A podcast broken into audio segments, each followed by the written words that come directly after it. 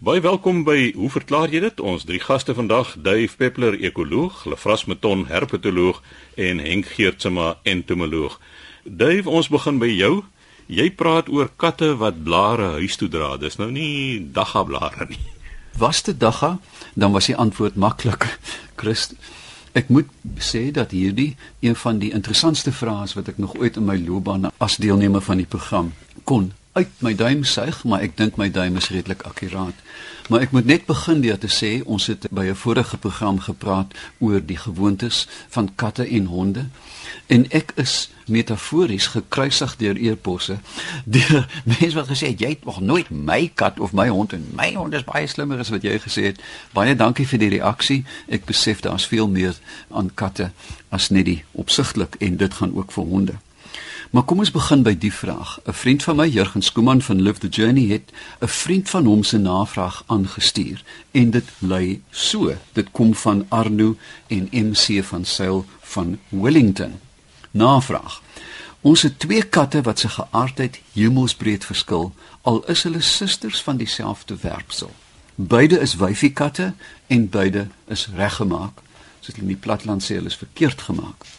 Hulle is ongeveer 3 jaar oud en vir die doel van die navraag noem ons die twee katte witkat en gemmerkat. Nou ja, gemmerkat eet alles wat jy vir hom kan gee: droë pille, sakkies nat katkos, vleis, wors. Sy bring ook voeltjies, muise ensovoorts huis toe as trofee. Die witkat verkies pille, luister mooi, en eet soms sakkies nat katkos, maar eet geen tafelkos nie selfs nie 'n stukkie biltong of droewors nie. Dit is 'n baie baie vreemde kat. Die eienaardigste ding is dat die wit kat byna elke aand 'n blaar of twee in haar bek huis toe bring en dit dan met 'n gemel aankondig as sy dit na ons kamer los. Wat verder verstommend is, is dat dit altyd 'n blaar van dieselfde boom is en dat ons nog nie kon uitvind waar die spesifieke boom staan nie. Dis nogal 'n groot blaar en sy dra oorwegend blare van dieselfde grootte en wat vars is van die boom geval het. Somstyds is daar wel 'n blaar wat in 'n droë toestand is. In baie gevalle bring sy twee blare op 'n slaghuis toe. My vraag is: wat se gedag openbaar hierdie kat en wil sy dalk vir ons iets sê? Foto aangeheg. Ek het lank na die foto gestaar en skielik besef dit is die blaar van 'n Kersroos. Goed. En foto van die kat 'n platterige wit kat wat verveeld na die kamera kyk. Nou, wat weet ek nou van Kersrose en wat weet ek van katte en toe begin ek nou tik ek in 'n algemene soekenjin katte wat blare huis toe bring, komma Kersroos aanhalingstekens. Ek word oorweldig wêreldwyd. Katte dra dit gereeld huis toe en mense vra, "Mag my kat dit eet? Is dit nie giftig nie? Wat moet ek doen?" Olivia het gesê, nee, dis nie giftig nie. En die kat speel seker maar met die blare, maar toe begin ek dink, "Damn, jy weet mens kan hom nie net dat hierdie 'n algemene gedragspatroon is nie." Toe gaan soek ek 'n bietjie wat weet ek nou van Kersrose. Nou ja, ons weet dat die genus is Hydrangea macrophylla, die algemene een in die tuin, en ek lees en ek lees en lees dit kom uit die Himalayas en Japan, en toe kom ek af op kleur van die blomme. En die kleur van die blomme word bepaal deur aluminium-ione. Ek skrik metafories my melk weg en ek gaan terug na die aansoeke want tussen die blaarsoekery was daar een klein beriggie van 'n kat wat 'n aluminium stoel gelek het. Ek dog, wag 'n bietjie. Ek sak net daar af na my buurman toe, Dr. Joop Marie, 'n veearts leeftyd lank in Stellenbosch. Ek sê, "Wat gaan hier aan? Hoekom soek die katte aluminium?" Nee, ek weet nie. Ek gaan terug na my rekenaar toe. Ek soek verder. En daar tref dit my soos 'n absolute hamerslag. Katte is geneig tot nierversakking. Ons weet dat katte maklik nierstene kry en dit is as gevolg van hoë vlakke van fosfor in die bloed. Die behandeling vir hoë vlakke van fosfor is aluminium. Kan jy dit glo? En daar begin die hele ding ontplooi en toe begin ek verstaan wat hier aangaan. Ek hoop ek is reg. Ek sê graag wil hoor van veeartse, van mediese wat fisioloë is. En toe begin ek, maar my magtig, hierdie is 'n wit kat. Nou wit katte het probleme met Vitamiin D produksie of hulle maak te veel uiteraard. En daar is 'n direkte verband met of te min of te veel Vitamiin D en nierprobleme. En skielik raak die hele storie vir my kristalhelder. dat hierdie kat kom met 'n duidelike boodskap. Dis nie die kat wat sê, "O, oh, ek nou vir ma en pa gaan sê ek het aluminium nodig nie." Maar die kat het duidelike aluminium tekort, dis hoekom hy Kersroos blaas of sy altens dit aandra en dit huis toe bring in plaas van trofee. Ons weet reg oor die wêreld is daar gevalle van diere wat baie uitgesoekte kos of minerale eet as hulle tekorte het.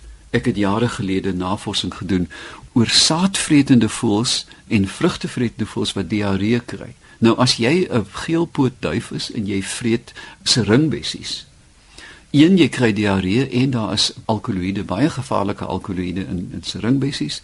En dan wat hulle doen, hulle gaan op die grond en soek in 'n kleiwal vir hulle baie spesifieke koloïde uit. Twee dinge doen dit. Een, dit stop die diarree en twee bind aan die gifstowwe. Ons weet dit by olifante, ons weet by dierelekke. Baie boere sal weet my gebied in die laafveld is byvoorbeeld is daar tekort aan molybdenum of wat ook al. En dan pas jy dit aan met 'n lek en die diere weet dit oombliklik, hulle sal by die sout gaan lek. Wat ek wel kan sê hier is dat dit vir my een van die lekkerste ontdekkings was, 'n reis van ontdekking deur toevallighede wat ek niks van geweet het nie en ek dink ek is bitter na aan die waarheid. Ek wil voorstel dat hierdie kat oombliklik na 'n dokter toe geneem word, 'n bloedmonster getrek word en gekyk word na fosforvlakke. Ek waarborg die eienaar van die kat, die vlakke is hoog en hierdie is die aanloop tot nierprobleme later. Nou is daar die glorie dat ons dit wel kan behandel. En dit is my so 'n lekker antwoord. Ek hoop ek tref die kol. Dave, dit is vir waar baie interessant. Mens wonder nou net hoe sal die kat hoeveel blare moet hy toets? Jy weet om nou agter te kom dat daar's aluminium in die blare. Ek weet dit is baie ander sulke gevalle, maar dit is nogals moeilik om dit te dink. Dit is baie moeilik, Lefras, maar hoe het ons uitgevind deur die ontwikkeling van die mens dat Vitamiin C in die blare van wilge voorkom? Hoe het ons uitgevind dat die Madagaskar periwinkel 'n absolute kuur vir ovariumkanker is? Hierdie goed op een of ander wonderbaarlike manier is daar een intuïsie dink ek in diere dat hulle sintuie het. Ek dink nie aluminium ruik na iets nie, maar van die aluminium verbindings mag na iets ruik. Ek weet nie.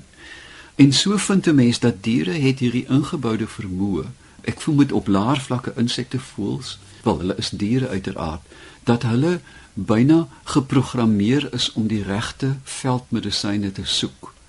Ek dink daar is 'n groot veld oop waar ons met diere gedag soos hierdie bio-ingenieurswese wat ons kyk na voelvlerke om die vlerke van vliegtye te verbeter, dat ons ook na diere gedrag moet kyk.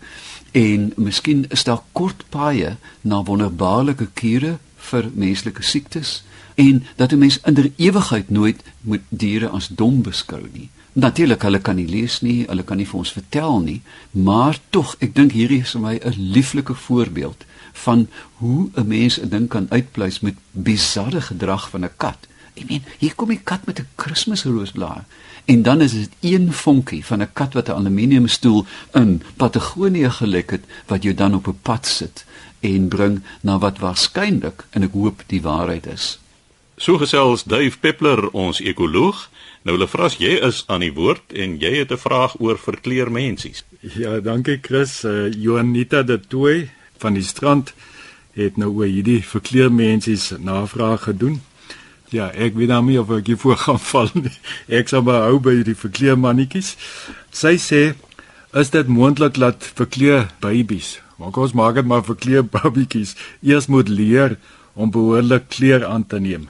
Sy sê sy sien dat baie van hulle, as hulle so 1 cm lank is, die lyf nou, hulle bly bruin in die dag ongeag waar hulle sit en aan die aand sal hulle wel so 'n bietjie eh, ligter van kleur word. En dan wanneer hulle groter word, so teen 2 cm die lyflengte, dan begin hulle groen of geel of watter ander kleure ook al kry. Ons moet seker net eers sê van watter verkleurmannetjie ons hier praat. Dit is die Kaapse dwergverkleermannetjie. Nou die mense wat baie in die Kaap kom, weet veral in die tuine is dit 'n mooi groot groen basis verkleermannetjie en dan mag ook allerlei mooi ander kleure op die sye wees, so pinkerige klere. Ongelukkig is dit so dat die Kaapse dwergverkleermannetjie is 'n moeilike ding in terme van kleur. Hang af van die habitat. As mens hier in die fynbos ingaan, dan is die kleur van die verkleermannetjies heeltemal anders. Dan is hulle amper meer so 'n lemmetjie groen, eenvormige kleur. Maar in die strand, dit sal nou die gewone kleurvolle verkleermannetjie wees. Nou, dit is werklik so ek het dit al baie gesien as die kleintjies gebore is, dan is hulle so eenvormige vaalbruin kleur. En almal het daardie kleur en dan eers heelwat later soos hulle groter word, dan begin die helder kleure of die groen kleur te voorskyn kom. So by akkedisse in die algemeen kry mens dan eintlik hierdie drie moontlikhede of drie patrone kleintjies as hulle gebore word of hulle nou uit die eiers uitkom of lewendbarend van lewendbarende ouers afkom. Uh, hulle kan net soos die volwassenes lyk by geboorte alreeds of in ander gevalle is die kleintjies helder gekleed terwyl die ouers dan meer dof of vaal gekleed is en dan soos in die geval van die verkleermannetjies dan is die kleintjies dan nou vaal of dof en die volwassenes helder gekleed. So is eintlik 'n baie interessante verklaring vir al hierdie drie moontlikhede. Wel, die eerste een waar die kleintjies maar dieselfde as die ouers is, is nou nie eintlik veel van 'n verklaring nodig nie. Dit is maar net so. Maar in die geval waar die kleintjies helder gekleed is, is dit baie interessant. Mens kry veral dat hulle sterte baie keer helder oranje of helder blou is en dan by die volwassenes raak dit dan weer dof.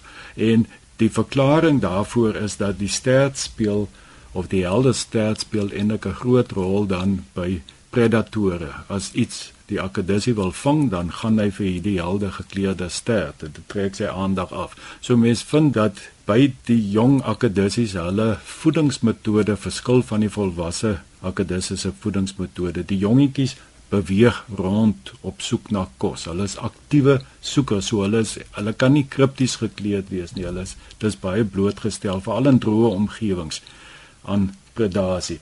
En soos hulle ouer word, raak hulle meer sit en wag voeders en dan het hulle nie meer daardie helder sterte nodig nie. Nou in die geval van die verkleemannetjie, nou so bietjie anderste, die kleintjies is vaal en die volwassenes is helder.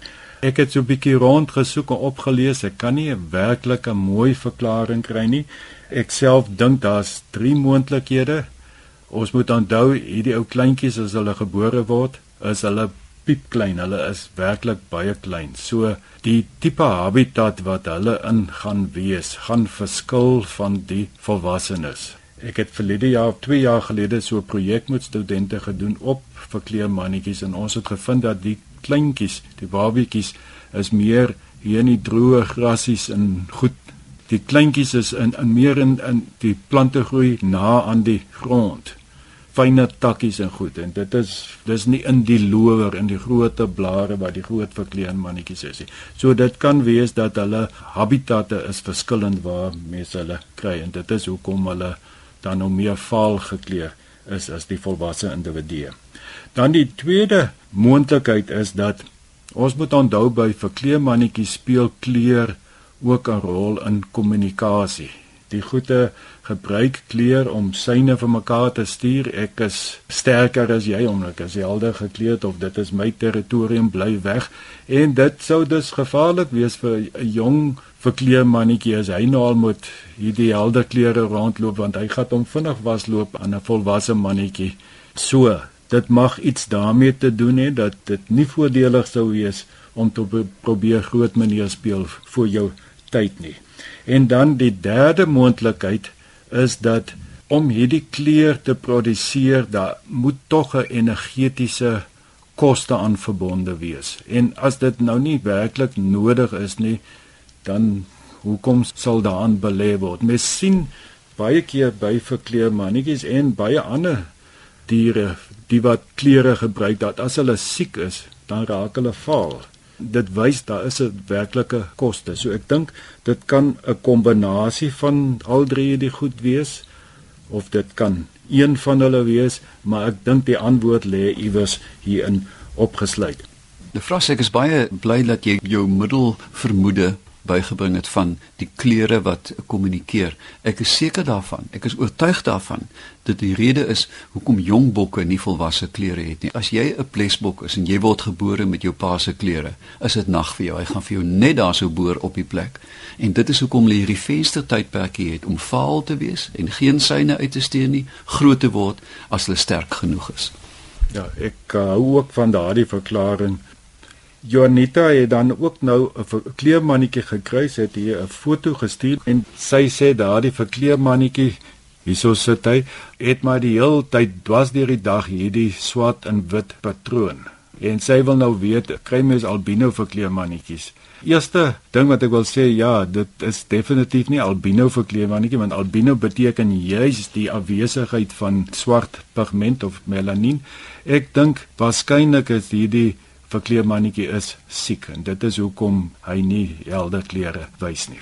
Ek wonder baie keer het ek al gesien dat die in my tuin hulle klere begin redelik vasraak voor hulle vervel want die kromatofore kan nou nie bekostig om onder 'n vlieserige vel syne uit te stuur nie. Dit maak geen sin uit nie. So hy's of siek dink ek of hy's op die punt van vervel. Ja, dit is ook 'n moontlikheid. Maar in elk geval daar is 'n probleem met die kleur met beweging want ons weet die melanien lê mos in daardie groter selle dieper in en die melanien word op en af gestoot en dan het dit allerlei effekte op die kleur van die dier. Ons praat van die klein verkleurmannetjies en so aan. Hoeveel eiers lê so 'n verkleurmannetjie en wat is die kanse dat hulle groot word? Dit varieer van spesies tot spesies. In hierdie geval hulle is lewendbarend, so dit kan so hier by 12 rond op 'n slag, maar die punt is hulle kan 'n hele paar kere per jaar, ten minste 3 keer, sê hulle kleintjies voorbring. So ons praat van per jaar so 36 of meer kleintjies wat gebore kan word en dit is 'n tipiese voorbeeld van R-seleksie. Die ou kleintjies is word deur als gevreet wat iets kan eet van spinnekoppe witspringkade, natuurlik klompe klompe voëls, so hulle word gemaai onder hulle en dit sal nou maar varieer, maar dit bitter min wat gaan groot word. Lefra sommer net interessantheidshalwe as ek nou kyk na die foto, lyk dit asof daardie verkleermannetjie in 'n suurlemoenboom is. Nou ek sien die dorings daar. Sy ander naam is 'n trapsiekies, maar ek dink hy moet nogal besonder versigtig beweeg om tussen die dorings deur sy weg te vind in daai boom kyk vir ons is die doring klein vir Trapsiekie is daardie doring is amper so groot soos hy so miskyk gaan hom definitief nie. Nou ja, so gesels Lefras Meton, ons herpetoloog, volgende aan die woord, Henk Geertsma, entomoloog. En Henk, jy gesels vanoggend oor sakwurms en dan het jy ook 'n brief ontvang oor bye. Ja, ek het hier so 'n brief van Neville Thomas. Ek woon in Pretoria. In die laaste 2 weke in Februarie het hy 'n plaag nou sê wat vir my lyk na die larwe van een of ander vlieg of dergelike insek. Hy dink nie is 'n vrugtevlieg nie, maar hy kan verkeerd wees en ook nie van 'n muskiet nie, want ou muskietlarwes lewe in water. Die organisme klim teen my binne en buitemure uit en hang soms van deurkusyne aan 'n spindraadjie. Hulle beweeg baie min of stadig. Wanneer ek een sien beweeg, is dit met 'n tipiese wurm of peristaltiese aksie. Dit lyk kompleet of hulle vol sandkorreltjies is, so skuurpapier, en is ongeveer 1 cm lank. Nou vra hy met wat het ek hier te doen? Hy wil sy hele huis laat uitrook om te kyk of ek van die metgeselle kan ontslaa raak. Nou, meneer Thomas, dis twee moontlikhede. Altwee met sakwurms. Die een sakwurm is wat op woltepyte en so voorkom en die ander ene is wat meer op die buite op stoepe en so voorkom waar daar mos groei. Nou die een wat op mos voed is gewoonlik op stoepe en dat ek net terugkom. Hierdie is 'n sakkie vir beskerming en binne in die sakkie is daar 'n larwe. Nou hierdie is motlarwes, al twee van hulle. Nou die een wat buite voorkom, voed op mos soos ek nou net gesê het en die ding is in die proses as hulle die mos vreet, kry hulle ook sandkorreltjies los en die sandkorreltjies wat dan ingeweef in die sakkie vir kamouflasie, vir beskerming. So, soos wat hulle groter word, word daar meer en meer sandkorreltjies op die groter wordende sakkie ook geplak. Die wat binne in die huis kom, gebruik allerlei vesels, wolvesels, selfs kunsvesels om hulle sakkie mee te bedek. So jy het te doen met of gewone kleremotte en daar's drie spesies van hulle of met die een wat buite voorkom en die een se naam is Sitja kafra. Die mooitjie wat op die mosse voed, is 'n baie mooi mooitjie. Die mooitjie se vlerkspan is ongeveer so 14 mm. Dit is so gryswit in kleur en is swart gespikkeld en hulle word na lig aangelok.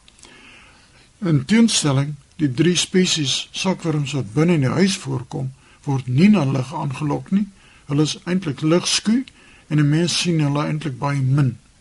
So dit is nie vrugtevliee of muskietlarwes nie, dit is larwes van motte en hierdie twee families wat heeltemal ver uit mekaar uit is, gebruik al twee sakkies vir die beskerming van die risper of die larwe self. Baie dankie vir u interessante navraag. Die tweede, ek sê nie sê 'n vraag nie, is meer 'n briefie van Chris Benadi. En hy sê hy's 'n ou byboer Hy het groot geword op 'n plaas daar in die middel van die republiek. Die plek se naam is Emmaus en daar het hy gesien hoe baie in holtes en kraans hulle neste maak. So hy praat nou van die wilde bye. En dan het hy honing uitgehaal en dan bye word rustig deur gras of 'n gooiingsak te brand en dan praat hy van veldvure wat bye kolonies kan vernietig. Toe gaan bly op die dorp en daar sê dan baie swerms in die watermeters ingetrek. En dan wat gebeur met die munisipaliteite? Hulle broek die watermeter en dan nog 'n kolonie minder. So hy was baie daarteen. Hy het toe geleer om die bye te vang in baie korwe en so hy begin 'n boer met bye op alwyne en bloekombome totdat hy eendag by sitrusplaas gewees het en daar brand al 400 sitrusbome af en daar is sy baie kolonies toe nie meer daar nie. Nou sê hy wil 'n paar feite noem oor bye. Nou ek is baie bly dat iemand my probeer leer. Dis goed. Dan sê nommer 1 vuur is 'n baie groot bedreiging. Nou vuur is natuurlik 'n baie groot bedreiging vir baie diere en plante. Maar jy weet ons in die Weskaap het eintlik vuur nodig in die fynbos. So jy weet fynbos brand so elke 7 tot 14 jaar en dit die veld is gewoond daaraan, maar ek kan glo dat bye is nie gewoond aan 'n vuur nie, hulle gaan dit nie oorleef nie. Dan sê om bye te kalmeer en hier is 'n goeie boere raad, gebruik veldbeeste se droë mis in die roker om bye te laat saampak. Nou gewoonlik word eintlik 'n nat sak gebruik of nat koerantpapier om bye te berook. Maar as mens veldbeeste se droë mis wil gebruik met alle plesier. Dan sê dan afswermende bye troppe is nie aggressief nie. Dis heeltemal waar. As bye swerm, dan is dit die verkenners wat rondsoek vir bye neste, maar die koningin is omhulderwerkers en hulle taak is eintlik om die koningin te beskerm. En hulle toon nie aggressiewe gedrag nie, alhoewel moet natuurlik nie van die bye kwaad maak nie, dan gaan hulle jou wel steek. Dan sê swerm skei af na gate in die grond, veral muurshope is baie goeie nesplekke. Dit is as daar nie akkerbome beskikbaar is nie of huise of ander geskikte plekke nie. Hulle verkies gewoonlik om bo die grond te wees, soos in kraanse en so aan. Muurshope is miskien net 'n tydelike een en ons praat natuurlik hier van reismuurhope, termiete. Want bye en mure gaan nie saam woon nie. Jy weet natuurlik mure is baie groot vyand van bye.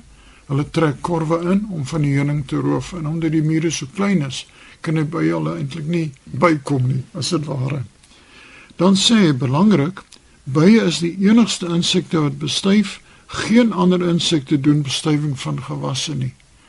Nou meneer Bernardi, ek is oh, jammer, maar ek moet van u verskil hierso. Vliee, daar's hordes bye, perdebye, kewers, baie insekte doen bestuiving. En mens kan eintlik hierdie stelling van u bietjie uitbrei deur te sê daar's vlermuise wat bestuif, muise wat plante bestuif, voëls wat plante bestuif. So dis nie die alleen reg van bye om bestuiving uit te voer nie.